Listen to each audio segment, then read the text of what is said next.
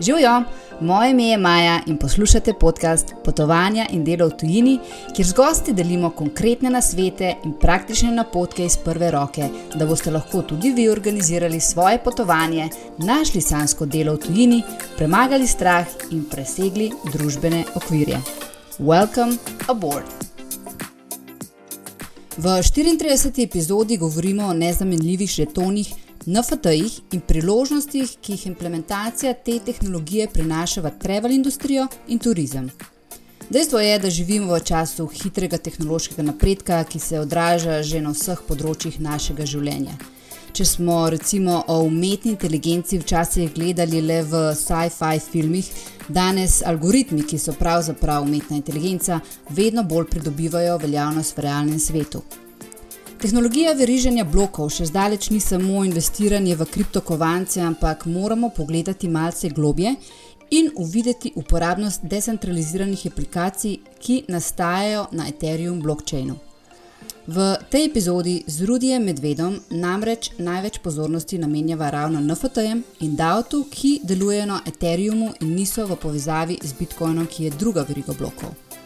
Vsekakor me implementacija NFT-jev in DAO-ta ter nasplošno Web3 razvoja navdaja z upanjem in absolutno vidim svetlečo prihodnost za turizem in travel industrijo. Skrbi me samo dejstvo, da se premalo ljudi zanima za to, oziroma pridobivajo izkrivljene informacije mainstream medijev in na profilih influencerjev, ki govorijo zgolj o tem, kako bomo z investiranimi 50 evri v NFT kar čez noč postali kriptomilionarji. Večina ljudi ima na tem področju še vedno premalo zanimanja in da bi te tehnologije lahko uporabljali v realnem svetu, potrebujemo več zavedanja in znanja, da bomo lahko blockchain tehnologijo prvo razumeli, potem sprejeli v naša življenja in jo na to začeli tudi uporabljati. Uživajte v pogovoru.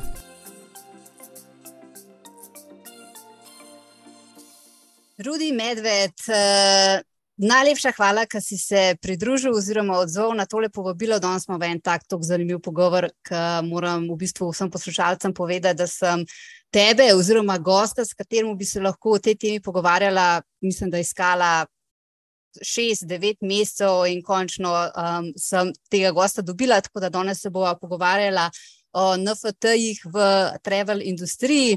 Ampak za začetek bi te pa v bistvu uh, rada malo poprašala, kako si, kje si trenutno, kaj počneš. Ja, živijo Maja in uh, pol, hvala tudi, da si pač mi. Res me kontaktirala, ker tudi jaz uživam v tej temi in res se mi zdi, da je pol pomembno, da se tudi v Sloveniji ali pa v slovenščini pogovarjamo o tem. Um, Drugače sem v redu, super, um, zelo bom rekel, navdušen tudi, ker smo zdaj v teh dneh, res, oziroma teh tednih, res planiramo nekaj dogodkov zanimivih, o čem bomo govorili, pol verjetno. Uh, in ja, nahajam se v Sloveniji, uh, v bistvu nad Načkofi Loko, uh, na enem res lepem kraju, um, kjer se tudi zelo počutim produktivnega in zato mi tudi. Uh, Uh, zelo se mi zdi zadnje tedne, oziroma zadnji mesec, mi, mi kar um, ja, veliko pišemo v Web3 in tako naprej, veliko raziskujem, tako res je kar uh, zanimivi časi. No? Ja, res je. Um, na začetku v bistvu bi samo te malo prosila, da se na hitro predstaviš in pa v bistvu, kaj trenutno delaš in uh, kakšno skupnost ustanavljate. No? Hmm.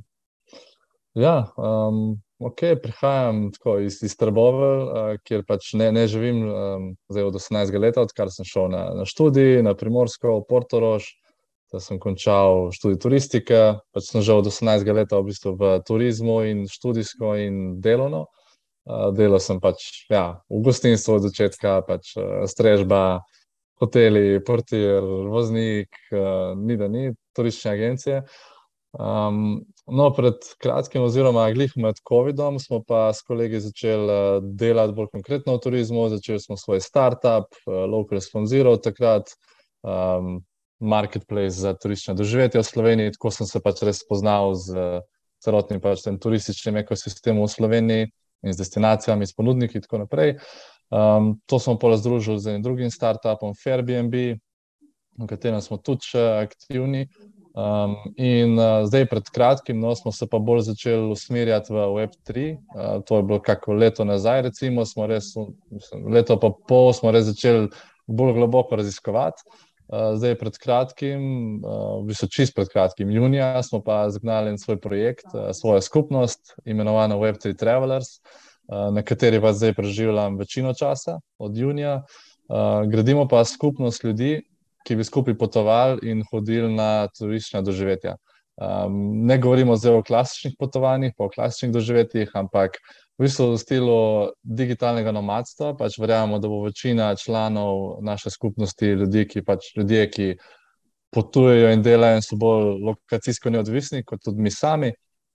Um, in to bi radi naredili uh, na tehnologiji Web3, uh, kar pomeni, da bi rad ta, to skupnost naredili decentralizirano, um, z NFT membershipom, to je nekako zdaj načrt, uh, da pa so dejansko te člani te skupnosti tudi lastniki in so oni sami odločajo o tem, kje bomo potovali, kje bomo imeli naslednjo večerjo. Um, tako naprej. No. Uh, tako to tukaj zdaj preživljam največ časa, pa tudi um, pišem uh, za en startup, slovenski Web3, pišem Web3 content. Um, tako da ja, zelo razno, raznoliki projekti. No.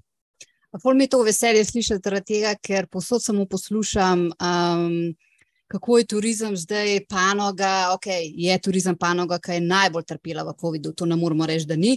Ampak kako ni več priložnosti, kako v bistvu se ne zasluži več dober.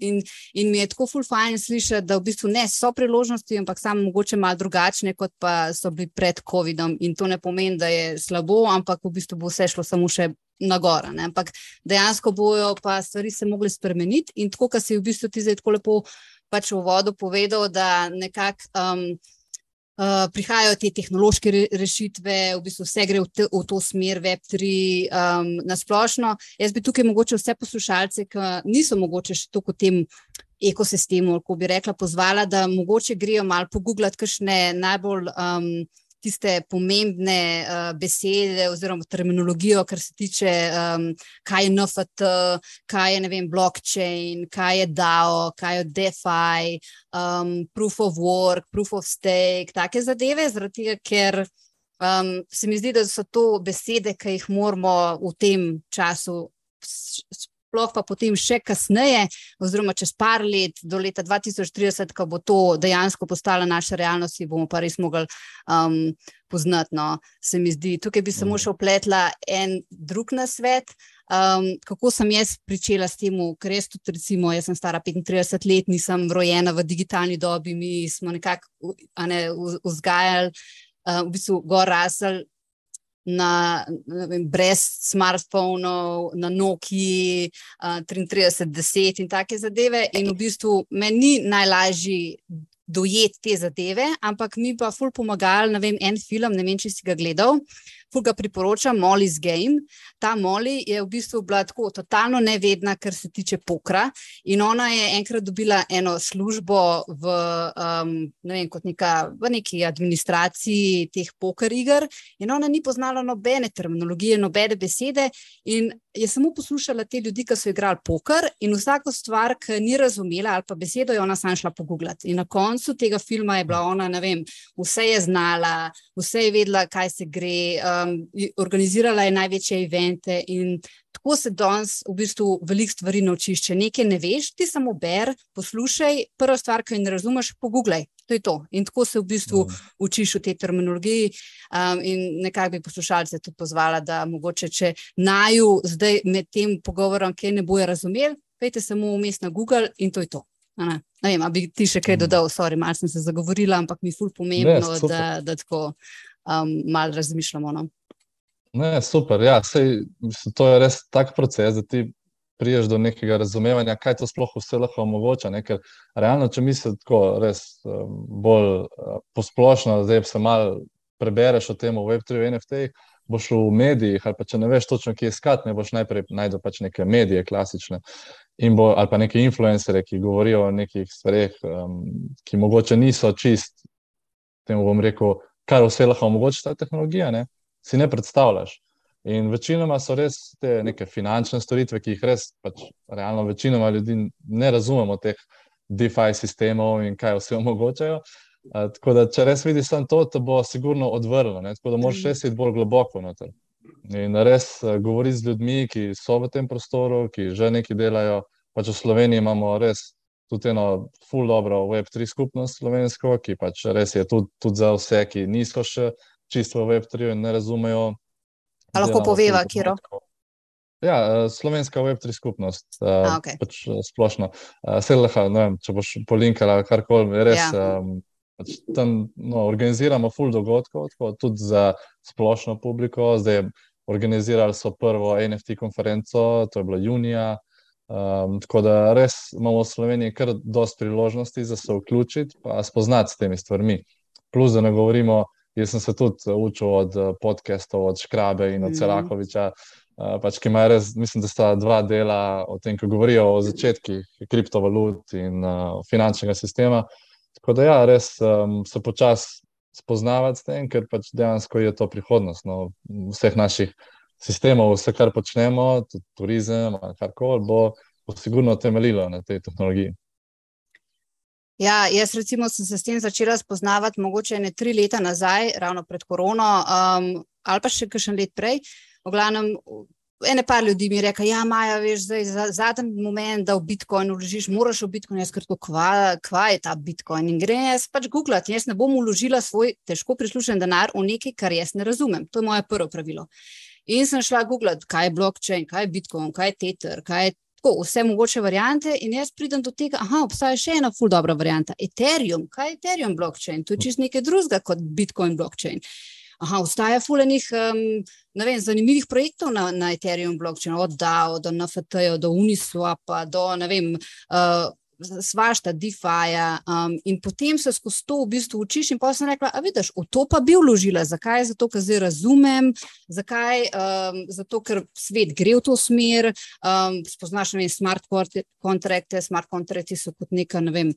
Uh, uh, ne, osnova za artificial intelligence, kako ne rečem. In v bistvu skozi to je pa res, da je to proces, ne boš kar iz danes na jutr, ne, moraš posvetiti nekaj časa, moraš te zanimati, moraš mogoče imeti kakšno strast do tega. Moj brat je recimo ful v tem noter in se lahko z njim o tem pogovarjam, kar mi ful pomeni, ker včasih imam tako neumna vprašanja in mi jih on v bistvu pol mal bolj. Um, uh, obelodani, oziroma mi kaj pojasni na tako um, neumen način. Tako da, ja, v bistvu samo, da si res v tem noter in v bistvu ne gledaš na to samo, a Bitcoin, Ethereum, ali bom uložil, ali ne bom uložil, ampak kaj je za tem, zakaj je to tako popularno, zakaj je toliko ljudi zdaj o tem govori in kaj so NFT-ji, kakšno imajo, ne vem, use case dejansko v real lifeu in tako. No. In o tem bova tudi danes mm. govorila in se mi zdi ful, ful pomembno, da se že zdaj začnemo na to pripravljati, eh, kar bo v prihodnih letih postala tako dejansko naša realnost. In ker smo pač eh, potovanje in delo v tujini podcast, bomo pač eh, na tem področju mogoče malo bolj te NFT-je obdelali in Web3 na splošno. Um, pa da se vrnemo zdaj mogoče uh, k vašim projektom. Um, še ena stvar me zanima. Prej, ko sem se uh, pogovarjala pred snemanjem, si rekel, da se ukvarjate tudi, tudi s svetovanjem, um, uh -huh. verjetno hotelirjem in tem delovcem v turistični industriji, um, da bolj razumejo, kam gre svet, oziroma kaj je Web3, zakaj je pomemben v turizmu. Um, kako pa je v bistvu ali oni razumejo, kako so odprti um, do tega, kako v bistvu je tukaj v Sloveniji ta zadeva, um, ali je težko prebiti let, ali je tako, kar ok. Ja, bi rekel, da je zelo težko. Mhm. um, zato, ker mislim, nismo delali prav še z um, velikimi podjetji, prav na Web3. Zdaj bom samo omenil en projekt, ki je bil, pač, mislim, da prvi v Sloveniji, tak, ne, ki se je zgodil z, na področju NFT-ja in turizma, je itak um, to, da je pač Slovenija izdala svoje NFT na, na Expo. No. To na je pač najbolj pre, ja. prepoznavno. Um, drugo pač, pol pa tukaj pri nas, ne, je pa Portorož, destinacija, izdala svoj, svoje NFT-je, ki so pač nek začetek ne, um, preboja turizma slovenskega v to. Um, Mi pa zdaj imamo en full-lušen projekt tudi v Mariboru, delamo z enim uh, društvom, društvom Hiša, razvijamo NFT razglednice, kar je okay. zelo tako, tak, um, mislim, lušen projekt. No, pač ni to zdaj nek uh, en, tak Web3 svet, ki ga noben ne bi razumel. To dejansko če razložiš nekomu, ok, imamo fizične razglednice in pol bomo naredili še NFT razglednice, ki jih boš prejel, ko boš kupil fizično ali pa obratno. Mhm. Uh, tako da take, take, mislim, da moramo začeti s takimi zelo manjšimi projekti, ki jih pač ljudje razumejo. Ok, razglednica, zdaj pač ena digitalna razglednica, ki jo bom imel na blokčinu za celo življenje. Um, tako, mislim, da moramo s takimi začeti in dejansko ne moramo se iti tako nekih kompleksnih sistemov. Um, tudi, tudi za približati to večini ljudem, pač moramo iti res s takimi lažjimi, manjšimi projekti, kot so neki, ali so digitalni suveniri ali tako naprej.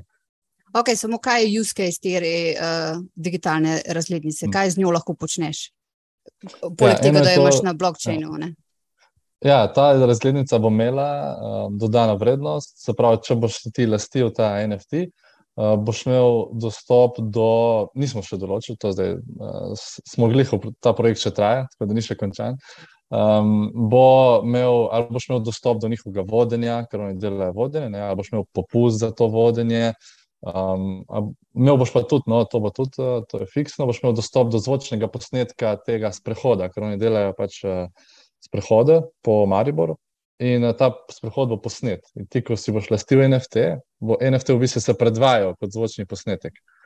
Uh, tako je nisem slika, ne bo tudi zvok zraven. Uh, se pravi, ti boš poslušal celo to vodenje in zgodbo, eno zgodbo Maribora. Um, tako to bo dodana in. Um, Ja, pač to bo začetek neke njihove skupnosti, ki jo bodo oni začeli graditi, uh, ta društvo. Um, zato, da bo pol, vem, čez par let, če bojo zdali več teh serij zglednic, bo videli, kdo si vse lasti NFT in bojo lahko dali tem članom, uh, tem lastnikom NFT dodatne ugodnosti. Primer, vsak, ki si lasti NFT, imamo eno vodenje, ki je samo za deset ljudi. Evo, samo tisti, ki imate NFT, imate dostop do, uh, do tega vodenja. Uh, tako da je zelo nekako ta članstvo je tukaj, pač, eh, se mi zdi, da dosta rešuje. Ne? To, da imaš ti pregled, kdo so vsi tvoji najbolj zagreti uh, podporniki. Uh, to, to mislim, da je, da je prednost tukaj zelo velika. Mhm. Um, vi ste pa v bistvu še eno storitev, um, a produkt, kako naj temu rečem, uh, v kratkem, v bistvu um, ravno ene par tednov nazaj, ali še celo dva en teden nazaj, ko ste v bistvu organizirali NFT večerjo. A lahko malo ja. temu še poveš, kako je bilo to in kaj je bil namen tega in zakaj. Če uh, kupaš uh, to večerjo kot NFT, kaj je razlika, kot če greš samo na večerjo in plačeš račun tam? Mm. Ja, super, super vprašanje. In to je bil res zanimiv projekt. Um, to, um, NFT večerja se je zgodila ja, en teden nazaj, 26. augusta. Um, to je pač prva večerja v Sloveniji, ki, je bila, ki jo je bilo možno kupiti z NFT-jem. Um, kaj je zdaj dodana vrednost? Um, mislim, jaz, itak, pa celo naša skupnost, verjamemo, da je NFT ticketing, se pravi NFT vstopnica, da, pač, da to je prihodnost. Ne? In to je za me tako eden izmed največjih, največjih uporabnih vrednosti za NFT. Um, zakaj? Zato, ker NFT kot vstopnica je zelo lahko. Je, mi izdamo 100 vstopnic za en dogodek, ali pa v tem primeru jih je bilo 10, in imamo pregled na tem, kdo pač je zelo transparentno, kdo kupuje in kdo prodaja, ne, kdo je lasnik tega NFT-ja. Um, lahko zagotovimo avtentičnost, se pravi, ne more noben ponarediti, ker to pač tehnologija blockchain onemogoča, zdaj je to ponarejanje. Ne. Se pravi, vsaka. Um, vsaka vstopnica je avtentična. Um, druga prednost je, pač, kar pač pa nam se ni zgodilo, oziroma se je, uh, prodaja na uh, sekundarnem trgu. Zdaj, če si predstavljamo en večji dogodek, kot je bil tudi ta Champions League finale, ko je pač vstopnic zmanjkalo, fulje bilo ponarejenih in so jih ljudje na črnem trgu prodajali. Ti imaš tukaj z vstopnicami kontrolo, uh, kje se te vstopnice prodajajo. Pri nas so bile pač na OpenSea. In eh, tisti, ki recimo ne bi šel na večerjo, pa je imel tiket, bi lahko prodal na OpenSea platformi ta NFT. Ne. In um, kar je pa za nas tudi prednost, ne, mi bi dobili vseeno nek odstotek nek te prodaje. Ja. Ja, mhm, secondary uh, mhm. sales. Reče, lahko ne, samo pride nadaljujeva, poveva, kaj je OpenSea, da bojo videli. Aha, OpenSea je v bistvu največja platforma za, za ustvarjati in prodajati NFT-je. Pač ti lahko tam ustvariš NFT, zelo enostavno, tako res par klikov. Uh, imaš NFT ustvarjen, v bistvu na, temu se reče minting. Tako, minting. Ja. Ja. Um, in uh, je pa hkrati tudi za prodajo. Uh, pravi, ja, ti NFT ustvariš in ga tam prodajaš. Um, pol lahko člani si med seboj prodajajo, se pravi, ni samo da jaz kot ustvarjalec NFT-ja prodajam ostalim, ne, ampak dejansko tudi vsi, ki si pol lastijo ta NFT, ga lahko naprej prodajajo. Ne. To so pol rečete, ta secondary market. In to ravno jaz sem začela razmišljati o tem. Um, Jaz sem ful za to, da se na FTI fulbol dajo. Um, mislim, da se začne res trgovati, da se v bistvu vse, kar nekdo ustvari, kot jaz, recimo, um, da se to da kot proda kot na FTI. Recimo, klasičen moj primer. Um, jaz sem včasih, pet, šest let nazaj, izdala dve knjige, sicer tiskane variante, ok, te časi so mem. Uh, zdaj imam na voljo e-knjige, ampak kaj je problem pri e-knjigi? Jaz, če nekomu tebi jo prodam, kako bom jaz vedela, da je ti ne boš pokazal še vem, svojemu prijatelju, pa svoji mami, pa ne vem kaj vse. In kar naenkrat bo moja knjiga, ki sem jo enkrat prodala, v bistvu videna ne vem, desetkrat. Ne. Uh, v tem pa, ne vem, če pa v bistvu prodam kot NFT, pa vem, da si ti pač to kupil. In da, jo, da, da ti v bistvu konec koncev polka prebereš, lahko prodaš naprej in ti zaslužiš, in še mm. jaz zaslužim. In mi to ja. tako, ful mi je žal, tega, ker v bistvu Slovenija še na, na to ni pripravljena, oziroma nas, mogoče svet na splošno. Jaz pa v bistvu že vidim toliko nekega benefita vsemu temu, ne samo za sebe, ampak za vse v bistvu. Um, in zato sem še bolj pešen, pač glede tega, da se res izobrazimo, pok pomembni bojo na FTI, so že pomembni. No, Ne vem, mm. imaš ti kakšen koment na, na moje razmišljanje? Ja, ne, sigurno je za ustvarjalce in za umetnike je pač to ena izmed glavnih eh, prednosti, no, da ti imaš kontrolo nad tem, koliko je teh umetnin, knjig, eh, vstopnic, karkoli, uh, tvojega konta, ki ga ustvarjaš, imaš kontrolo nad tem, vidiš, kdo je lasnik, cel čas, um, dobivaš procente od sekundarne prodaje, lahko.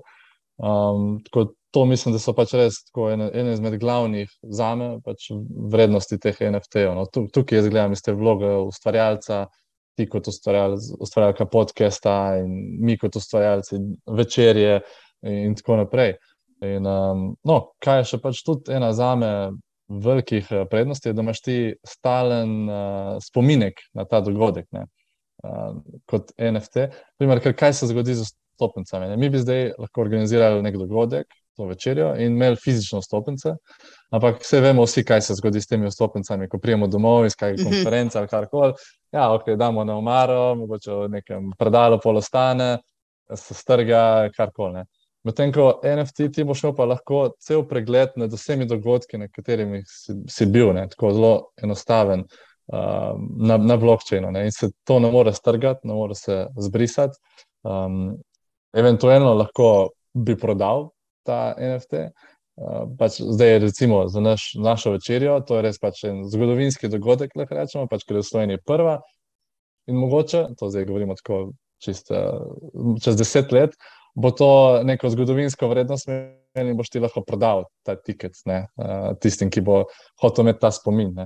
Um, tako da um, to je nek še dodaten benefit za te lastnike po dogodku. To se mi zdi pomembno.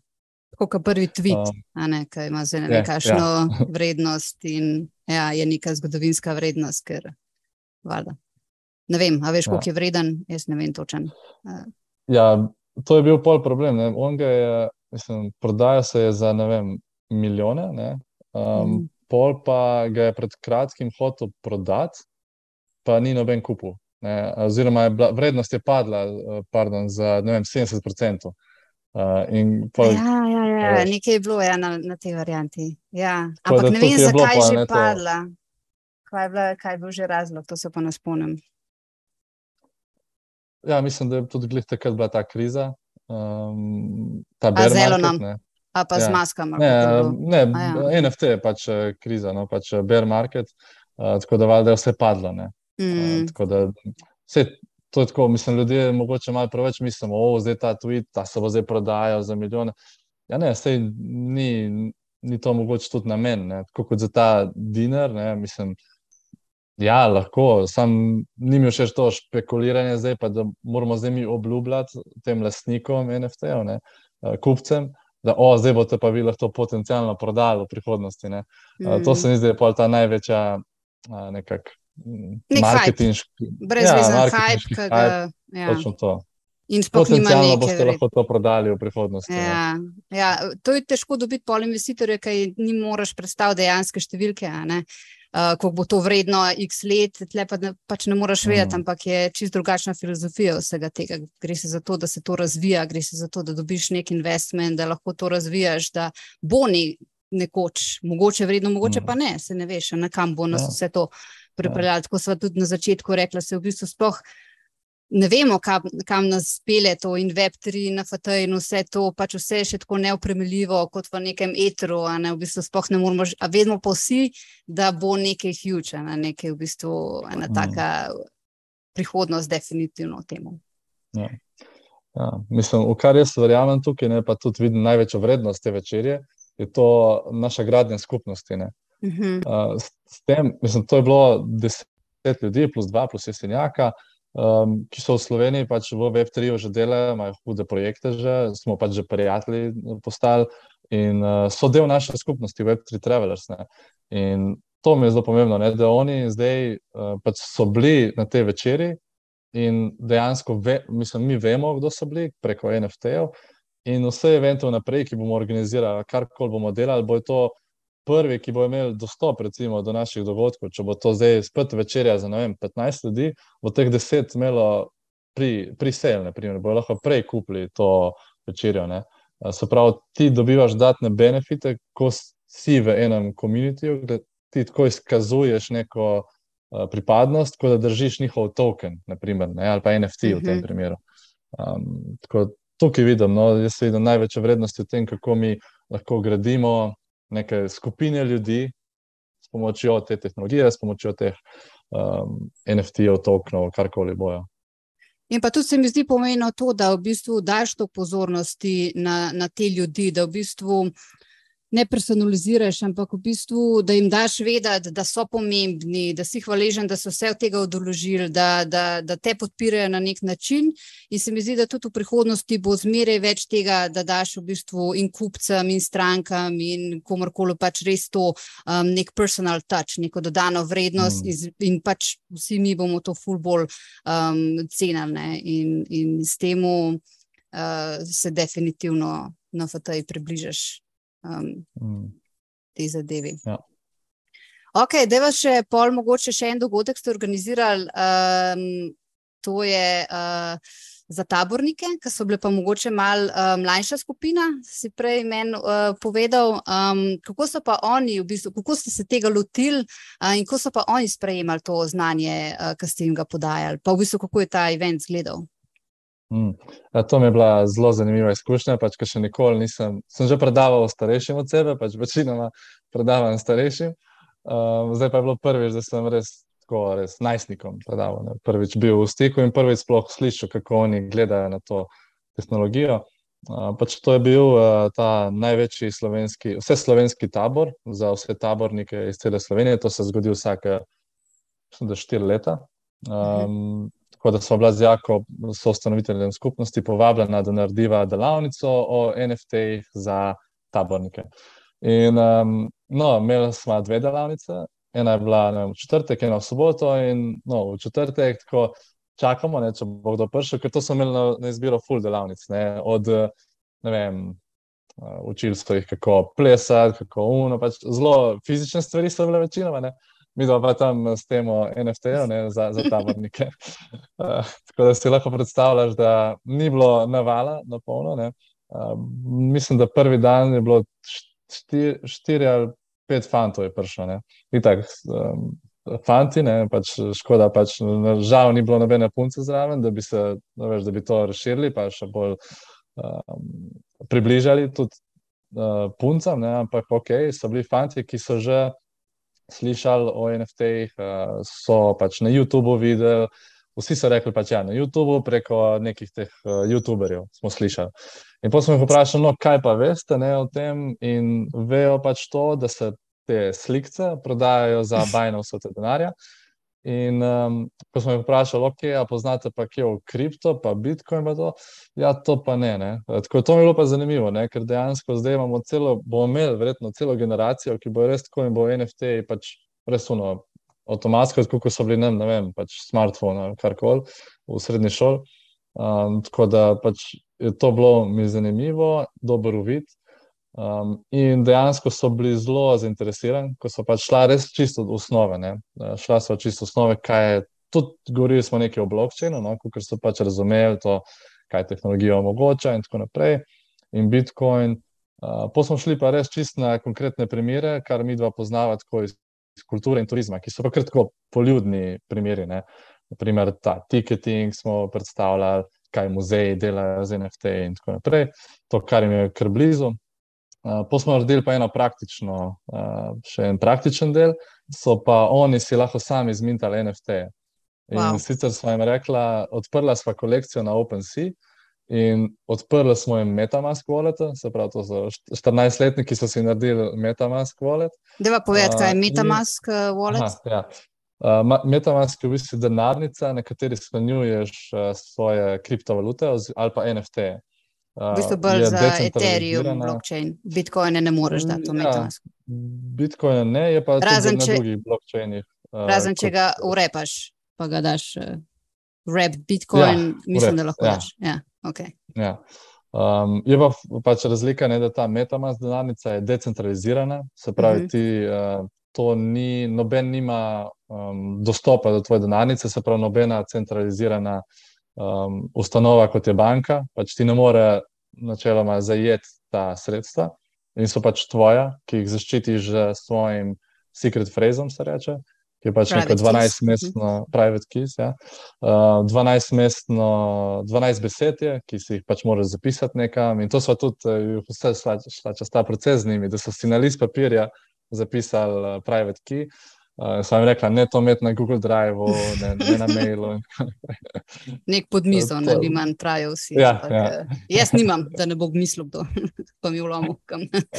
ne, hecam se. Ampak še ena zanimiva stvar, ki je tlele, pač po, treba povedati, da vsi govorijo, da je centralizirane finance, to je prihodnost, to je the best. Ampak moramo se zavedati, da tukaj je odgovornost potem na posamezniku. Ti, če te mm. private keys, teh 12 faz izgubiš, izgubiš vsa finančna sredstva. In to je to. In um, tukaj potem za, ne vem, se mi zdi družba, trenutno v kateri živimo, kjer se mi zdi, po moje, da še ljudje niso tako odgovorni, kot bi lahko bili. Mislim, da še nismo tako pripravljeni na to, te decentralizirane finance in še vedno potrebujemo neko ustanovo, mm. ki to nekako usmerjeno. Uh, mislim, da imamo še long way to go there. Ne vem. Ja, sigurno, ampak viš, če pa začnemo tako že v osnovni in srednji šoli uh mhm. -huh. izobraževati o tem, uh mhm. -huh. predstavljamo si pol, kakšna razlika bo to pol, nekaj bojo dejansko oni že takrat mislili, wow, jaz sem res odgovoren za svoje, svoj denar in uh -huh. ne bomo mhm. neka banka skozi ščitle, uh, tako da se mi zdi, da to je ful pomembno, to se mi je takrat res tako utrlo, um, wow, mi bi res mogli zdaj že v osnovni šoli, tako, mislim, itak se je to jasno, da bi mogli več izobraževati o financah in o pač, finančnem sistemu, kakšen je in o teh tehnologijah, kar polo mogoče. Uh, tako, zato se mi je zdelo tako ful pomembno, da smo šla z njimi čez ta proces. Um, no, odprli so si denarnico in pol smo jim rekla, naj najdejo nekaj v, v tem taboru, oziroma nekaj slikajo ali pa že nekaj, pač, kakršno sliko imajo, kar jim nekaj pomeni iz tega tabora. Ne. In pol je, um, eni so slikali tam nek šotor, pa napisali nekaj zraven. Um, pol eden je pa zbral vse mime, ki so bili v njihovem Discord kanalu. Ne. Zbral mm -hmm. neke uh, smešne, bi mim, ja, nek, neke fore, ki so jih imeli v, v Discordu, jih je on spravil na, na blockchain, ne, na, to, to, na to kolekcijo. Tako da je, bil, je bila ratala pravna zbirka eh, njihovih foric, ki so si jih eh, dajali tam med, med taborom, ne, in to bo za njih zdaj ostal kot en album teh spominov iz tabora ne, na, na blockchainu v tej kolekciji. Wow. To, ja. In pa za, za foro, tako je sva z Jako tudi kupila in NFT, ki sem jim rekla. Tako sem jim rekla, da ni fora NFT-ov samo, da pač se to prodaja za milijone, mm -hmm. ampak le se tako čist da vidite, dajte neko ceno, ne, to, da greste čez ta proces in so dali pač tako vem, 10 dolarjev, 12. No, in je jaka pač enega kupil, tako in sem rekla, ule, zdaj je tvoj NFT bil prodan. Veš, tako, malo, da so šli čez ta proces. No, vidiš, ful dobr. Ja, prej si omenil te slike, no, da samo pojasnimo, kaj to pomeni. Na FTI so se mogoče začeli Mislim, da je bilo marec 2021, da so res prišli v javnost. Um, ne vem, ali so se že prej začeli. Jaz vem, da takrat je nekako nek uraden. Da... Takrat je mainstream. Ja, ki je ja, bilo res mainstream. mainstream. Ja. Um, in takrat v bistvu so bili popularni kriptokiti, kriptopunks, uh, uh, Boring mm. Apes Club, ali kako je že. In te se res ja. uh, prodajajo za milijone in ne vem kaj vse. In v bistvu predstavljajo kot neko digitalno prezenco. Uh, in marsikdo si v bistvu v tem digitalnem svetu potem zamenja to profilno fotografijo in s tem dokaže neko kako je pomemben v digitalnem svetu. Ne vem, jaz sem to tako dojela v bistvu. In zdaj nekako vse, ki je ta mainstream, ki se govori na FT-jih, je to, joj, uh, moramo na FT-je kupiti za to, da bomo postali milijonari in ne vem, kaj vse, v bistvu je pa point, ne vem, čist nekje drugeno. Tako mm. se mi zdi. Ja, um, točno tako, kot si rekla. Pač začelo se je s tem, definitivno z nekim hajpom, pa se še, še zmeraj je velik hajp. Ampak se mi zdi, da hkrati pa gremo čez dalje bolj v te res uporabne vrednosti, ki niso samo uh, finančno orientirane, niso samo špekulativno, ampak dejansko predstavljajo neko vrednost v resničnem svetu. Ne? Naprimer, kot smo rekli, NFT, vstopnice, to zdaj že res, ker prihaja. Naprimer, tudi Dunking Devils bo zdaj imel NFT vstopnico, sem videl na, na LinkedIn-u en post. Um, tako da pač res sem vesel, no, da prihaja res zdaj v to, da ni samo da ljudje mislijo, da je to nevarno za ostale ljudi, ki zdaj recimo, še nič ne vejo o tem. In kar naenkrat slišijo, da se prodaja za 100 milijonov, to je sigurno spet nek nateg. Mm -hmm, veš, mm -hmm. Tako da je važno, da čim prej pridemo v to fazo, da, da se ljudem predstavijo te uporabne vrednosti. Ko bi pa ti enemu rekel na začetku, zdaj, ki naj posluša, ok, hočemo Dunkin Davisov, pač kupiti ta NFT, kje začeti, kaj zdaj rabim, ali to lahko z evri kupam, um, kaj z metamaskom, ali pa rabim trade, ali tako, a veš, ko v bistvu so full, mm. full na začetku, ne vejo, kje, kako, kako je pač ti par eh, korakov, da lahko evo ti NFT od Dunkin Davisov mm. kupaš. Ja, v bistvu je rad že kar enostavno. Um, večina, te, mislim, dosta teh NFT platform že omogoča plačevanje kar razkritnim karticam z bančnimi. Uh, se pravi, ne vem, zadnjič sem imel NFT na Rarible kupu, ki je bil tudi za eno zanimivo stvar in sicer za High Festival v Sloveniji.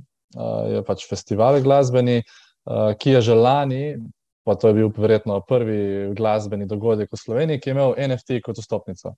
In zdaj so že drugič, ne to leto avgusta, je bil spet festival, ki ga organizirajo tudi naši kolegi, in sem pač kupil NFT tiket, um, ja, vstopnico kot NFT. In dejansko mi je ta platforma dala na izbiro, ali kupim z kripto, ali pa kar z bančno kartico. Pravi, to, je rad, ali, mislim, to je pa zdaj že dostopno za, za vsakega. Ne? Uh, Vseeno moraš imeti um, pač denarnico, da boš spravil si ta NFT gor. Metamask. Ja, ampak da lahko, dejansko ga lahko kupiš že z evri. Aha, dolari. se pravi, ne rabiš še exchange odpreti, uh, se ja. prijaviti in kupiti Ethereum in ne vem kaj, in potem kupiti z kriptom in dati v wallet, ampak v bistvu gre vse s kreditno kartico.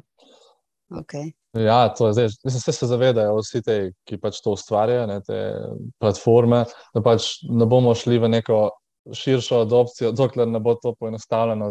Mm. Eh, mi ja, bomo eksperimentirali, pa šli na uh, menjalnico, kupili Ethereum, Ether in ga prenesli si v Wallet in pol z Walletom kupili, z Metamaskom. Um, ja, mi zdaj bomo na, na začetku, nekaj nas to zanima, pa raziskujemo, ampak zdaj, če gledamo pa vsakdanji potrošnik, pa, pa to ne bo šlo čez. Je pa proces, treba prilagoditi na, na to, kar oni poznajo, ker nima vsak ja. čas, da se s tem ukvarja in raziskuje in vse to. Ja, absolutno. A pa ti ja. kupuješ ja. NFT z izvoleta, z, z Ethereumom? Ja, uh, do zdaj je mhm. vse. Ja. Ja. Kako pa je z gesti in tako? Uh, Ja, na, na Ethereumu, če, če je NFT izminten na Ethereum networku, ne, so pač gesti kar visok. Ges je ta strošek, ki ga plačaš uh -huh. ob nakupu uh, NFT-ja kot strošek transakcije, ne, to je kot pač bančna transakcija. Recimo. Ampak ker je še vedno na, ja. sistemu, na sistemu Proof of Work, uh, je ta strošek večji, ampak mislim, da ravno zdaj bo ta mesec prestop na Proof of Stake, kao, čeprav se to govori že kar nekaj časa. Vsi mogoče lahko obetamo, da bodo ti fi nižji, oziroma ne vem, kaj si obetamo, ja, kaj ti misliš, ni, da bo vse šlo gor ali vse šlo dol.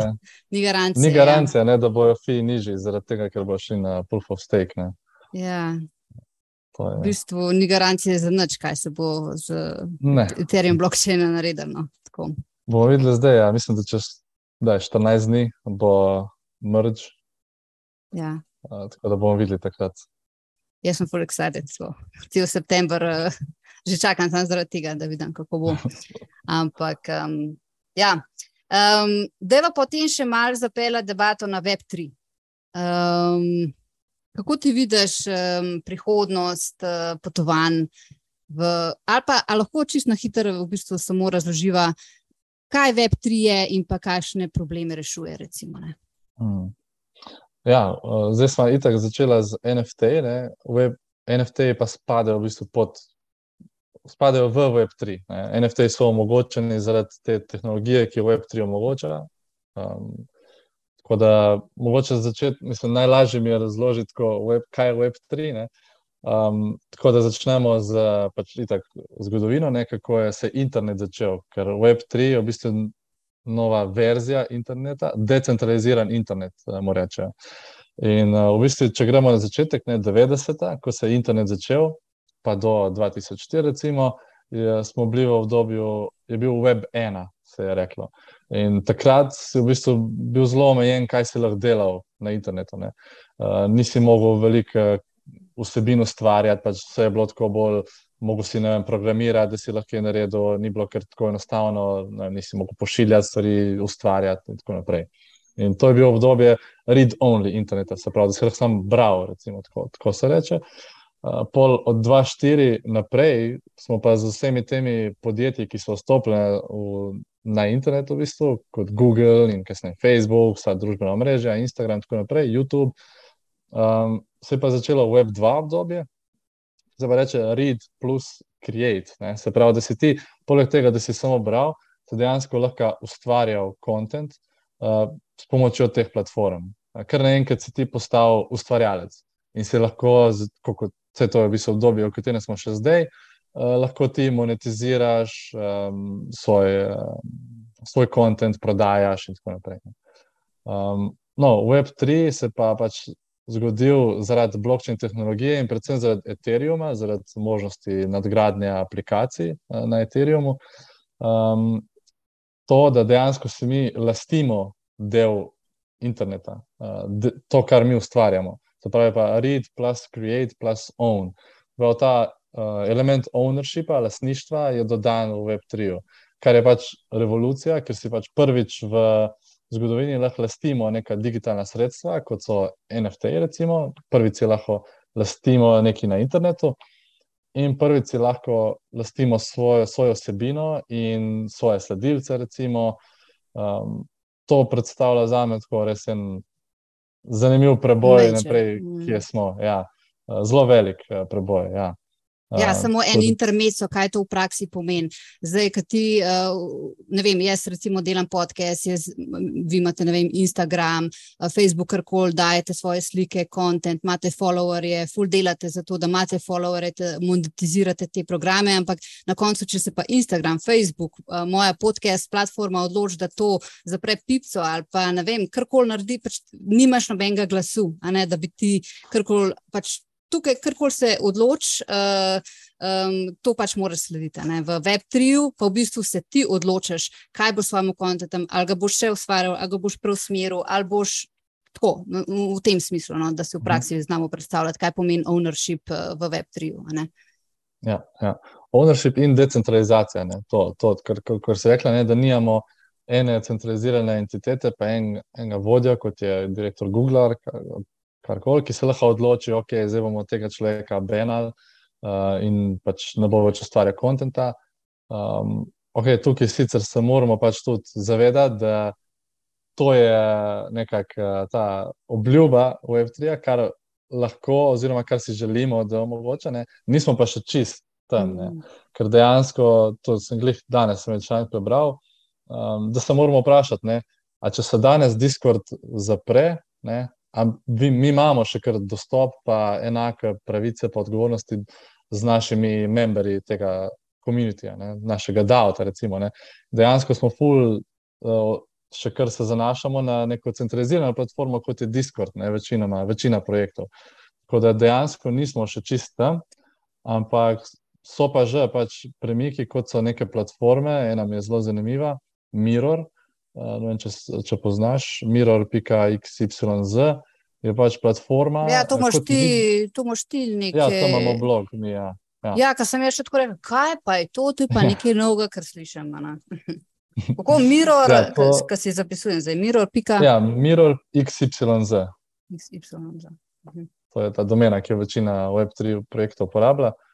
Um, no, in to je kot medium, ne, če si predstavljamo platforma, kjer ti pišeš bloge, uh, ampak uh, na Web3 način, se pravi, da dejansko ti se prijaviš noter svojo denarnico, mhm. -huh. svoje, svojim metamaskom, recimo, ali pa druge denarnice tudi obstajajo, in uh, ti preko tega objaviš svoj blog. In ta blog ni v lasti pač neke platforme, kot je Mirror, ampak je tvoj, ne? se pravi, je zapisan na, na blokčinu, na tvoji denarnici. Na tvoji denarnici. Mhm. Ja. Uh, in vse ostalo, tudi kar delaš prek Mirrorja, naprimer, zdaj imajo možnost, da lahko Um, a veš, kot imaš, naprimer, imamo na mediumu, da lahko ploskaš za, za en blok, ne, oziroma mhm. lajkaš ali kar koli. Imajo tukaj funkcijo zdaj collect, uh, se pravi, um, po, poberi, kako, ja, uh, ne, zbiraj, ne, zberi, ne, kako bi poslovensko. Da, da pobereš ta, ti kot bereš nek blok, ne, lahko klikneš collect in ti pač plačaš nek minimalen gas fee, ne, to je par centov. In v bistvu si ti postaneš uh, delni lastnik tega bloga, ne? kolektor. Se pravi, ta blog je kar nekaj tvoje kolekcije na blokčinu, kot bralec, ne? imaš to možnost. Uh, se pravi, to, to se mi zdi pomembno, ker pač ni samo, da mi zdaj lajkamo nekaj na LinkedIn-u, na Facebooku in to ostane na tej platformi, ampak tukaj, kar ti lajkaš oziroma pobereš. Ne? Kolektaš, postane tvoja kolekcija vseh člankov, ki si jih zbral, vseh, ki so ti všeč. Ne, um, take stvari pač uh, omogoča uh, Web3 ne, za, za ustvarjalce. In potem te vse ja. različne članke, ki jih ti kolektaš, lahko izdaš kot NFT in prodaš nekomu, ki ga zanimajo iste informacije. Ja, načeloma ja, bi je to možno pač prodajati te članke tudi naprej. Um, da, je, to, to je moj prvi NFT. Da, da. Kaj je problem v današnjem času, vsaj po mojem mnenju, je, ker je preveč informacij. Vsi pišemo mm. vsem, ali imaš deset let izkušenj, ali imaš deset dni izkušenj, pač vsi vemo vsem vse in težko najti kredibilne informacije. Ampak, recimo, če imaš pa neko osebo, ki točno zna prefiltrirati in zna ta prave blogposte, ta prave članke in potem jih vse kolekta, in potem mm. nekdo ti, recimo, ki ti iste stvari zanimajo, ampak nimaš tega časa to raziskovati, v bistvu od mene kupaš ta. NFT, ki ga jaz dam recimo deset kredibilnih člankov o temi, ki zanima prvo mene, pa sem imela čas to raziskati, potem pa v bistvu prodam tebi, zaradi tega, da ti prihranim čas uh, tega raziskovanja in kje so prave in narobne informacije. In ti pač, ne vem, a prav razmišljamo. Ne? Ja, dobesedno. Ja, pač, uh mhm. -huh. Ti boš zbirala nek kontent in ga boš lahko monetizirala na tak način. Uh, to, to se mi zdi fully pomembno. Da, ti, ker si ti tudi ustvarjalec, ne, In ti boš pol dodala še nekaj svoje stvari, se ne boš sam prodajala, pač en tuj kontent. Mm. Ampak boš imela še svoje stvari zraven, ki jih boš pač tem um, kupcem lahko pol zaračunala. Ja. In hkrati se pol oni tudi lastijo en del tega. Mm -hmm. Pravi, spet uh, oni kupijo to prek blokčina in so spet pač v lasti tega kontenta. Ok, full dobro mogoče smo malo zašla, ampak uh, ja. no, bigi. Uh, kje so ostale, drugače na splošno, mislim, da pri Web3. Web3 um, turizmu. Ja, ja, turizem, travel industrije, te zadeve. Ja. Okay, da, se, zdaj sem mislim, da pač razložila tako malo, vsaj upam, da kdo zdaj razume če, uh, o tem, kaj Web3 omogoča. In mogoče zdaj za travel, ne, kar je pač meni bilo najenostavnejše za razumeti. Um, zdaj, naprimer, ko govorimo o lasništvu, ne, pa če gremo na primer Airbnb-a. Uh -huh. um, ti, kot gostitelj, ne, ti si pač na platformi Airbnb, imaš svojo oddajo, svojo hišo, svoj apartma. In uh, ta platforma ti omogoča, pač, da gosti kupujejo, da rezervirajo neko namestitev preko te platforme. In oni so v vlogi posrednika oziroma te centralizirane uh, podjetja, ki ti to omogoča. In kaj se zgodi? Ne? Ti dobivaš od teh gostov revije, ne, ocene. In kaj se zgodi, če zdaj, na primer, Airbnb se odloči, da tebe, Bena, se odloči, ali pa Airbnb, recimo, eventualno propade. Ti te revije, kar si jih imel, kar si zgradil ta svoj uh, ugled na internetu, ti ga zgubiš. Mm -hmm. Jaz, če mhm. grem pol, naenkrat se predstavim na Booking, jaz nimam nobenega revija in noben ne ve, uh, kak ugled sem jaz že imel na, na internetu prej, ne? kakšne ocene sem imel, koliko je moja hiša super in tako naprej. Uh, tako da Web3, kar zdaj omogoča že ene platforme, uh, ki gradijo nov decentraliziran Airbnb, se pravi decentralizirano platformo za oddajanje namestitev, um, je to ena izmed funkcij, ki je tako zelo pomembna, da si ti lastiš uh, svoje revije, da si ti dejansko tisti, ki, da so to tvoje stranke, da niso to stranke od Airbnb-a. Ker v bistvu vsak, ki blokira preko Airbnb-a, je to njihova stranka, ni tvoja. Mm. Um, in če pač ti greš dol iz platforme, oni so še kar samo od Airbnb-a stranke, niso tvoje. Ne? Uh, kar pa te um, neke nove platforme omogočajo, da preko da gost, v bistvu preko smart kontraktov, preko teh pametnih pogodb, blokira tvojo namestitev in je to brez posrednika. V bistvu. Oni nudijo samo to tehnologijo, ne, te pametne pogodbe, oni zapišajo vsa pravila na to pametno pogodbo, kakšne so installation policy, cena, kdaj lahko odpovejo, in tako naprej, ne, provizija. Um, to je vse zapisano na pametni pogodbi, in ko oba, obe stranke podpiševa te, to pogodbo, se pač transakcija izvede in si ti rezerviral pri meni namestitev. To se pravi, da ta stranka zdaj kar nekaj ni več v lasti Airbnb-a, ampak sem jaz z njo direktno posloval. Ne. Govorimo o direktnih rezervacijah, to, to je dodana vrednost. In pa ti v bistvu kot Airbnb uh, uh, posreduješ pač svoj uh, adres, se prijaviš kot neko svojemu voletom na ta način, ja. pač to, kar smo prej govorili. Okay. Oba okay. morata biti ja, prijavljena, in gost, in uh, host, ne gostitelj, morata biti prijavljena z voletom. Uh, Okay. In pol se napiše smart contract, to še nisem povedala, smart contract je na Ethereum blockchainu, uh, v bistvu dejansko kot neka pogodba, samo da je v digitalni obliki in je v bistvu na blockchainu. Ne, uh, koda, v bistvu, ja, koda, koda, točno to, koda. Na kateri so zapisana pravila, po katerih se bomo ravnali, in pač v blockchainu se reče, code is law, ne, kao, koda je pravo. Prav, tako kot je koda zapisana, tako je. Ne. Um, in če mi zapišemo kodo, zdaj cena je 200 evrov, ti lahko odpoveš um, do en teden prej, da boš prejel celoten znesek in še ostale pravila, ki pač so zraven.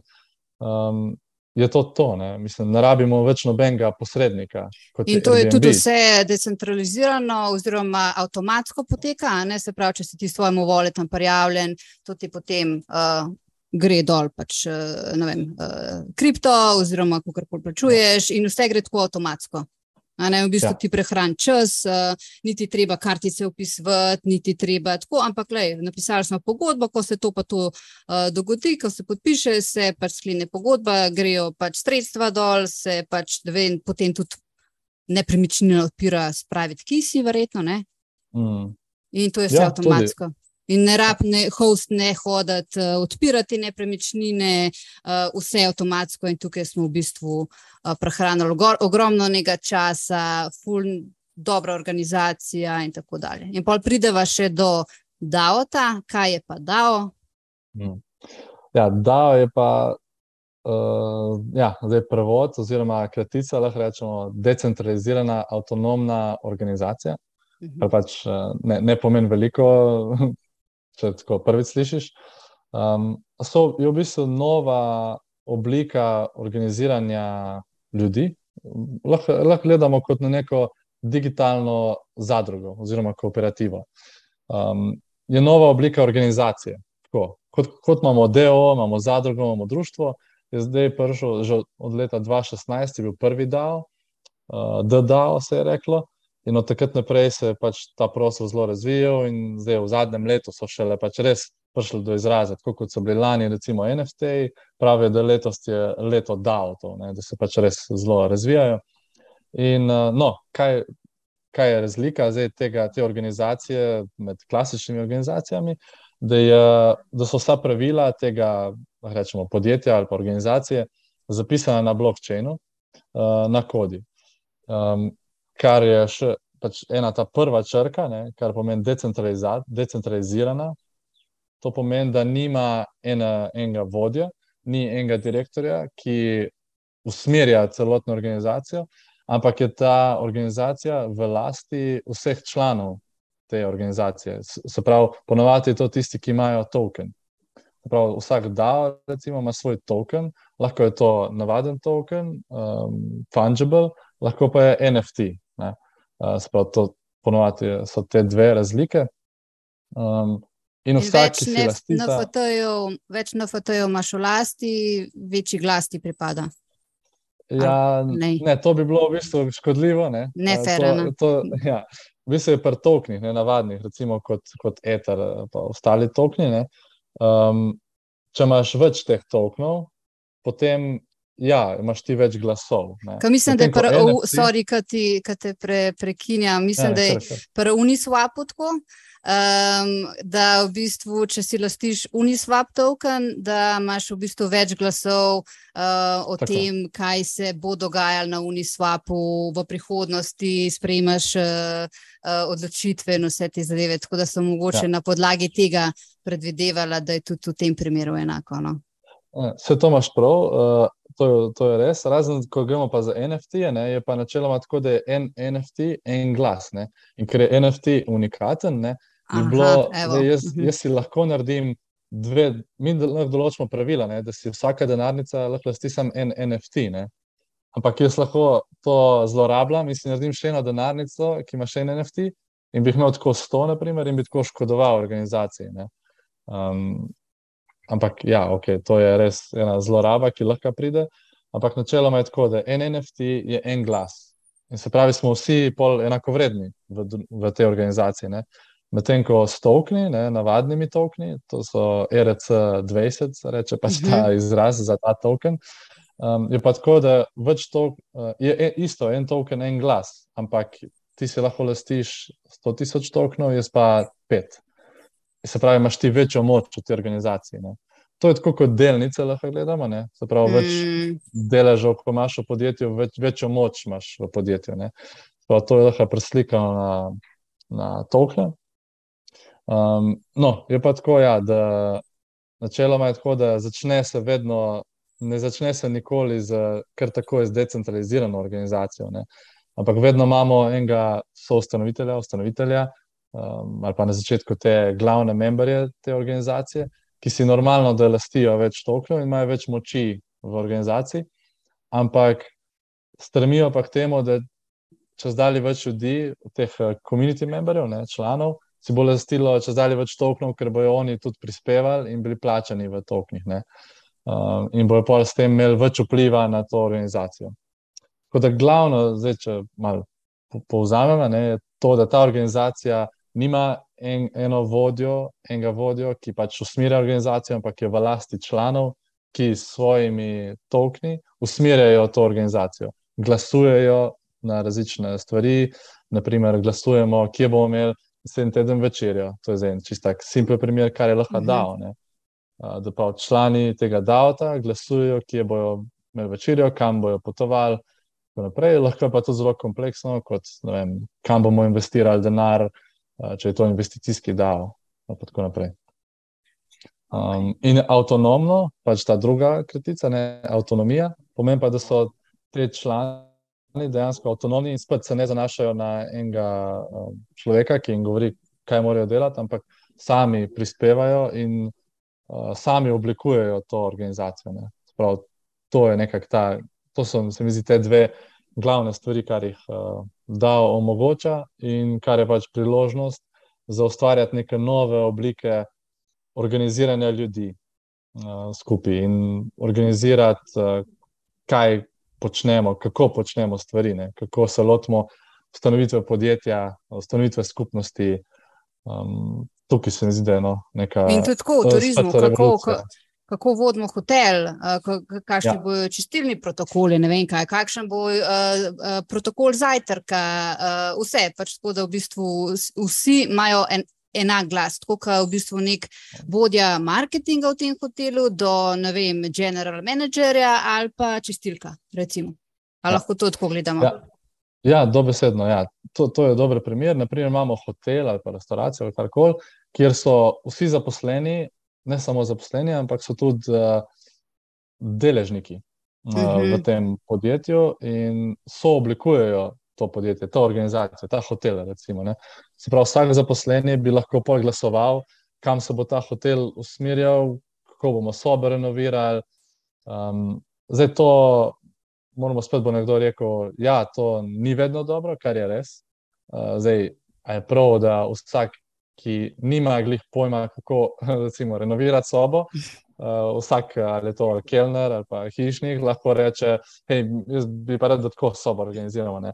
Ja, ne, ni to idealno in zato tudi da, ne, tudi če je decentraliziran, vseeno se mi zdi, da mora imeti uh, oddelke, oziroma tudi uh, rečemo kot nek svet, ali pa kako se reče, zdaj, odbor, ne, uh -huh. uh, ki pač pol dejansko sprejme neko odločitev. Ne? Ja, mi poslušamo, uh, zaposlene. Čak, sorry, ja, ja, prosim, kar da spi. Neč ne pijeva, tudi jaz. Ja, sploh ti, tebe vroče tam na tajskem. Ja, glize se pre, uh, pripravlja knjigiti, tako da je full, full dobro. Tako, ravno prav. Ja, super. Um, ja, no, tako da moramo gledati to, da ni samo to, da res vsem pustimo, da glasujejo tudi o čemer pač ne obvladajo, ampak še vsem moramo imeti neke strokovnjake, nek zadnji pol ta odločevalni odbor, recimo. In to se mi zdi, da tudi rešuje ta problem, ki se v turizmu zdaj fulful um, pojavlja. Ok, pustimo to, da ni kadra, ker so se pač prestrukturirali, so pač valjda šli v neko drugo službo in zdaj ne bojo kar spet šli nazaj v gostinstvo in turizem. Ampak recimo, ne vem, novi kadri, kar prihajajo, tudi tvoja generacija, um, tudi jaz sem bila v bistvu, sem študirala na, na turizm, turizem in gostinstvo in v bistvu imam še zmeraj tako pač um, nek stik za uh, višjo šolo na Bledu. Um, ampak vidim, vidim, ko grem par, pač kdaj pa kdaj predavati, kako nimajo tega um, neke motivacije, zakaj? Zaradi tega, ker so še vedno, ne vem, plače pa tam 600, 800 evrov, neverjetni, po, pač taki pogoji, da delaš 12, 13 ur med sezono in nimaš motivacije, kaj če pač v bistvu pol ne moreš se nič mm. kupiti, s tem delaš pa fula. Ne? In v bistvu, če, če pa to gledaš kot dao organizacijo, pa si ti del. In ko si rekel, pač dobivaš neko plačo, ampak zraven pa še nek v bistvu procent, tako ne rečem, zaradi tega, ker um, in se tudi veliko bolj trudiš za to, za to, da v bistvu še več biznisa narediš, še več uh, gostov strežeš, uh, da pač ta gost se še vrne in v bistvu si del nečesa in spet priva do komunitija, del komunitija mm. in delaš prvič dobro za gosta, dobro za celo organizacijo in dobro za sebe, zaradi tega, ker pač. Ne, če je gost srečen, bo več pustil denarja, večkrat se bo vrnil mm. in te se bo pač to kot deležnik povrnilo. In v bistvu ja. spet fulejnih problemov rešujemo na, na ta način. Ja.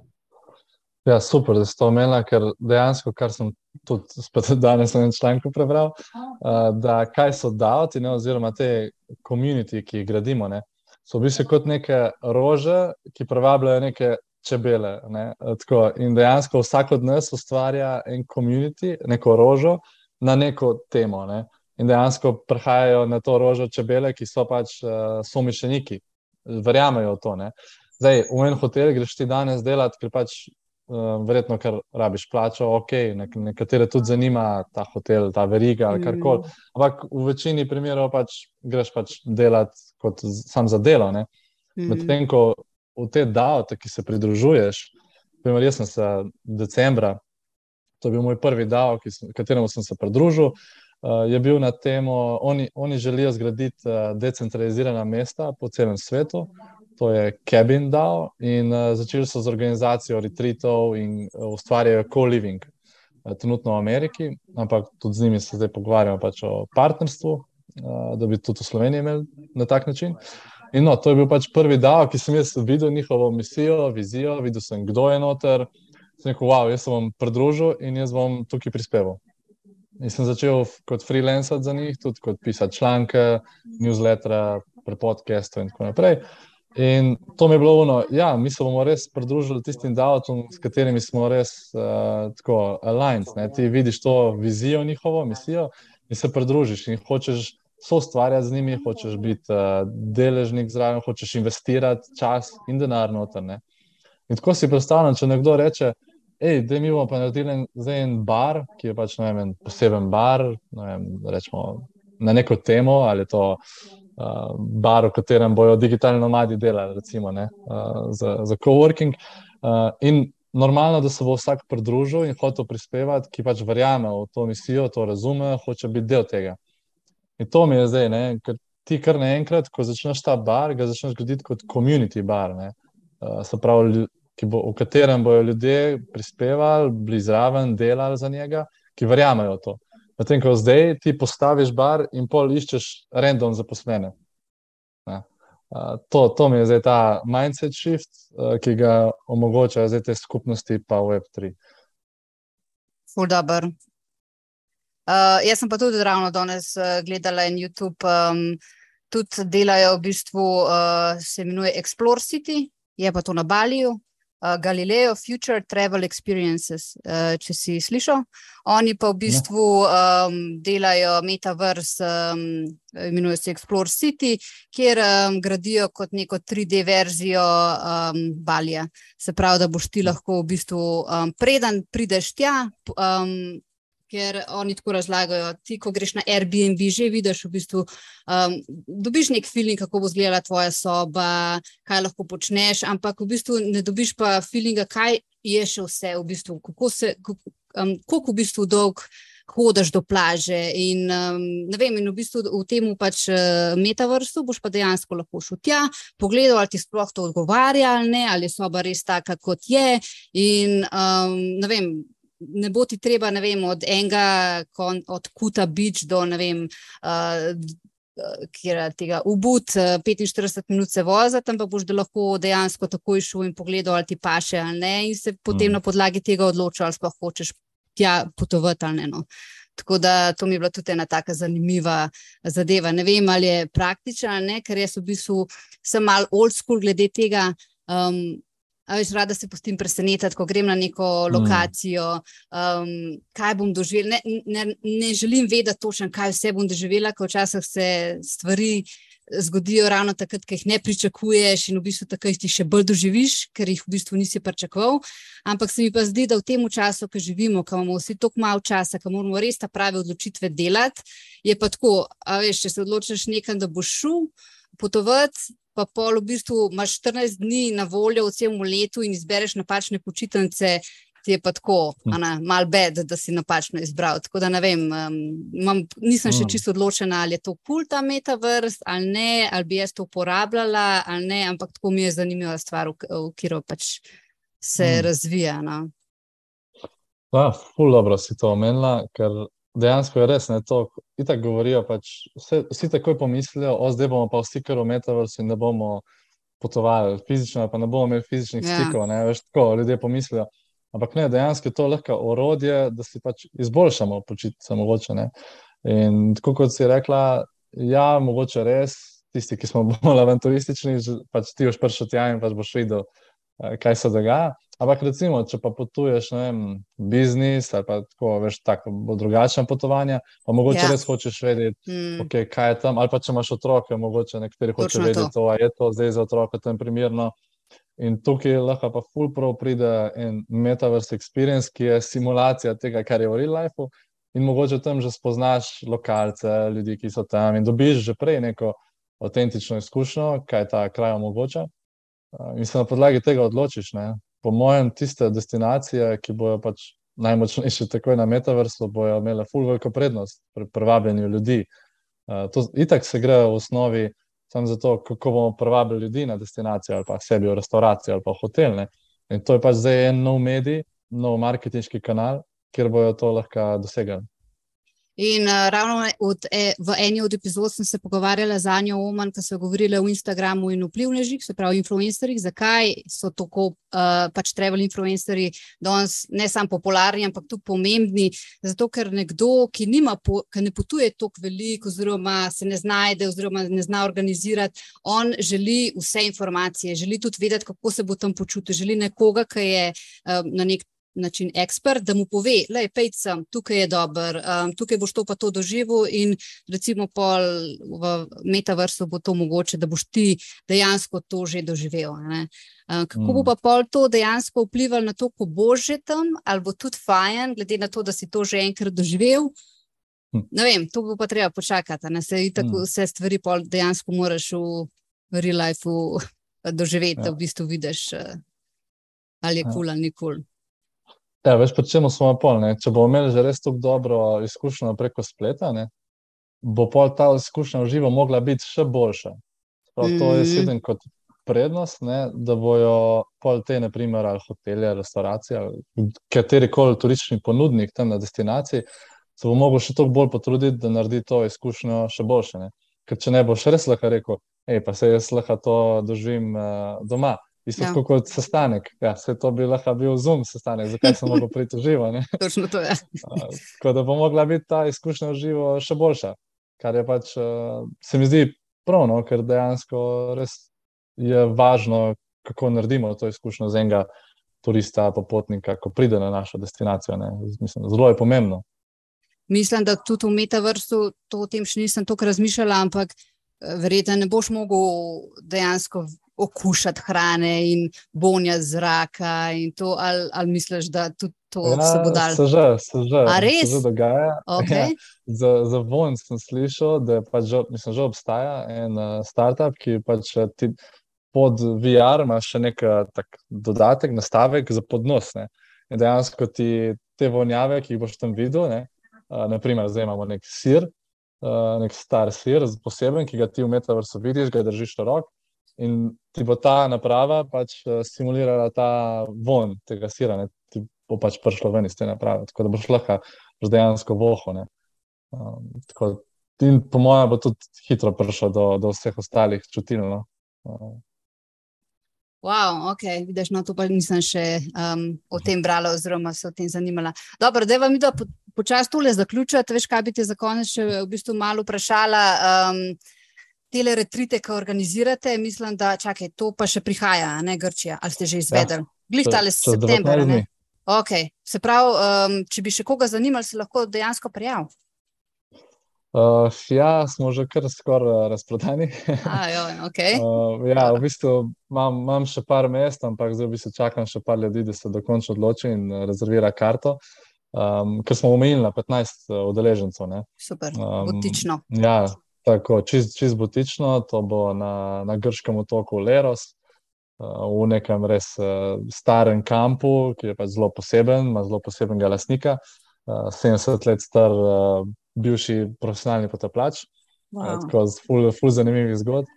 In uh, smo se odločili, ja, da tam organiziramo naš uh, Web3 retreat. Uh, v bistvu bo kar mednaroden, recimo, da bo pol udeležencev bo iz Slovenije, iz naše slovenske Web3 skupnosti, prav neki ustanovitelji, neki podjetji tukaj, in pol bo pa mednarodnih, tako večinoma evropejcev, ki sem jih pač spoznal preko, ja, preko interneta. tako da, founderji različnih projektov bojo prišli in bomo imeli pet dni druženja. Predavanj v Web3, pač imamo nekaj Zoom predavanja, imeli bomo workshope, o tem, kako vidimo tudi uh, travel industrijo uh, v Web3, uh -huh. tako da se bomo o tem pogovarjali. In o tem, kar si prej tudi ti omenila, ne, kako uh, nepremičnine povezati z Web3, o tem bomo tudi govorili, ker nas naš komunity cel zanima, co-living koncept. Sprav, kako lahko mi um, ne živimo na enem mestu in smo pač uh, omejeni tukaj, ampak dejansko živimo na različnih lokacijah uh, po svetu in smo obkroženi s tem komunitijem, s temi ljudmi, s katerimi se hočeš družiti. Tako, ta koncept nas bolj zanima in upamo, da pač po tem retritu uh, se začne res tudi bolj uh, ta komunity usmerjati v tono. Uh, to, to si želimo. Ja, to pa spoh nisem omenila, to, kar so se prej pred snemanjem zgovarjala. Uh, in pa potem sem jaz hodila še omeniti te komunitije, ki nastajajo predvsem v Indoneziji in Bali, pač v bistvu te otoki, um, mislim, da je Beach City ali kako je ti zadeve, tako ful, ful zanimive, ampak zdaj recimo nimava časa, oziroma bova predolga, pa bova mogoče um, se kdaj še dobila ali kakorkoli, kakšno ja. epizodo posnela, pa bova še kaj prišparala za naslednjič. Um, da mi samo še povej, uh, kdaj bo pa naslednji retrit, kaj jaz bi pa prišla. Mm, okay. ja, naslednji bo spomladi, načeloma. Ja. Uh, računamo na, na spomlad. Uh, ne vemo še na kateri lokaciji, tako da to se bomo pač skupaj s komunitijem odločili. Tako da le, lahko tudi predlagaš, uh, da prideš v Discord in pač predlagaš lokacijo, uh, ker smo odprti. Tako, tako kot zdaj za Grčijo, je prišlo tako spontano, smo se pač odločili. In zdaj za naprej gledamo, ja, kje bi, ker tudi jaz bom zdaj šel v tujino in bom celo zimo ne bom v Sloveniji. Kam greš? Še kakšne v Argentino. Wow, ok, ful dobro. Ja. Ful, ful dobro. Vidiš, pa pa sigurno mora posneti še en podcast na temo digitalnega nomadstva v Argentini. Ja, o tem se nismo pogovarjali. Ja. Ja. Um, kako pa, če želimo postati, oziroma če jaz želim postati del Web3 uh, Travelers Community, uh, kje vas najdem, kaj moram narediti, ali se moram uh, učlaniti, ali moram uh, v Discord skupini kaj prispevati, kako poteka to? Ja, Zaenkrat je odprta Discord grupa, uh, kjer pač vsak se lahko pridruži, zastojen. Je pač čat kanal, kjer debatiramo o teh retritih in o tem, pač tudi eh, novice o travel industriji, pa Web3, to si vse izmenjujemo, eh, tako pač karkoli prispeva vsak član. Eh, tako da zaenkrat je še vse odprto. Planiramo pa narediti membership za NFT, pač to v naslednji fazi, enkrat po retreatu, ki pa bo pol. Planiramo zakleniti kanal in bi bil sam za memberje. Kako pa bo pač teh memberjev? Uh, se še nismo odločili. Aha, okay. uh, ampak ne bo to, ne bo deset, ne, pač bo več, uh, bo odprto. No, tako da uh -huh, uh -huh. bo inkluziven, ne bo ekskluziven membership. Uh, tako da to si želimo, no, ja, da pač se sam pridružijo tisti, ki jih zanimajo podobne stvari, so mišljeniki in da skupaj nekaj ustvarjamo. Odlično. No, pa tudi na Twitterju, Instagramu, Web3 Travelers, uh, spletne strani še nimamo, tako da bo počasi. okay. Uh, to bomo jaz vse polinkala, najdete v uh, opisu epizode. Uh, tako da, um, ne vem, uh, jaz bi se ti ful zahvalila, res sem uživala med pogovorom. Vem, da marsikaj nisva omenila, ampak bo uh, mogoče daj drugič. Um, želim ti ful dober retrit, vas bom spremljala na Instagramu, oziroma kjerkoli boste to delili. Uh, vem, da ste večerjo delili na Instagramu, sem videla. Uh, tako da, ja, hvala ti še enkrat za tvoj čas, za tvojo energijo, za vse širene informacije in um, srečno naprej, predvsem. Ja, hvala tudi tebi za povabilo, da smo lahko govorili o teh zanimivih temah. Pa ja, naslednjič še kako več. No, dobro. Hvala ti, čau, čau. Super. Hvala, čau. Še ena epizoda, ki smo jo pripeljali k koncu, tokrat že 34. Najlepša hvala vsem, ki podpirate podcast na tak ali drugačen način. Če boste uh, dali kakšno oceno v Apple Podcast, Google Podcast, Spotify, bom full vesela. Če boste pustili komentar, bom še bolj vesela. Če boste pa širili to na Instagramu, predvsem preko storijev, bom pa nad vesela. Tako da hvala, hvala, hvala vsem, ki podpirate in zaradi tega tudi pač. Um, lahko za podcast izve še več ljudi. Um, hvala tudi Rudiju, da je izpeljal tak, uh, tako zanimivo epizodo, ki sem jo res si želela že full dog cajt posnet.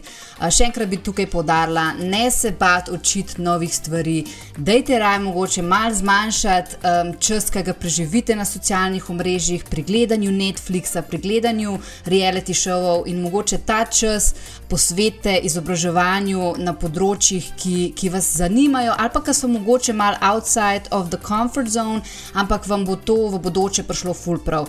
Tehnologija je nekaj, kar ne bo kar izginili z danes na jutr. To gre ful hiter naprej. In če se že danes ne, ne začnemo vsaj malo za to zanimati, oziroma um, vsaj biti v koraku s časom, potem predstavljati se čez nekaj let, ko bo to res, res del vsakdana in bomo tako funkcionirali in bomo imeli jobe v, v tej industriji, kako težko bo ta preskok takrat narediti. Tako da um, tukaj vas še enkrat pozivam, dajte, um, učite se, ulagajte v izobrazbo, v e-tečaje, v podcaste, v karkoli jim puste, na mir tiste stvari, ki mogoče vam ne dajo neke dodane vrednosti. Uh, tukaj v Klupaju govorim o reality šovih. In um, to je to, več znaš, več veljaš. To jaz res uh, full, full verjamem. Kar se pa tiče um, tega, kaj je novega na področju mojem, Majita Pikasi. Um, obetajo se velike spremembe, konec septembra bo točno eno leto, odkar sem pač prenehala z delom v jahtni industriji, sem se podala na to pot. Um, podcast bo star eno leto. Um, veliko je sprememb, predvsem v mojem načinu delovanja, um, za vse boste zvedeli, um, kako in kaj e-tečaji, naj omenim, da prihajajo, samo želim, da je najprej uh, platforma uh, na spletni strani pravilno zgrajena in vse tako, kot mora biti. Uh, drugače pa, um, ja. Se slišmo naslednji teden, ko bom imela zopet solo epizodo, ker sem videla, da v bistvu ful pogrešate te moje solo epizode. Um, in pa um, potem nadaljujemo naprej z čudovitimi gosti. Hvala še enkrat um, za vso podporo in za vse. Če karkoli rabite, me najdete na Instagramu in um, vse lepo do naslednjega tedna. Čau, čau!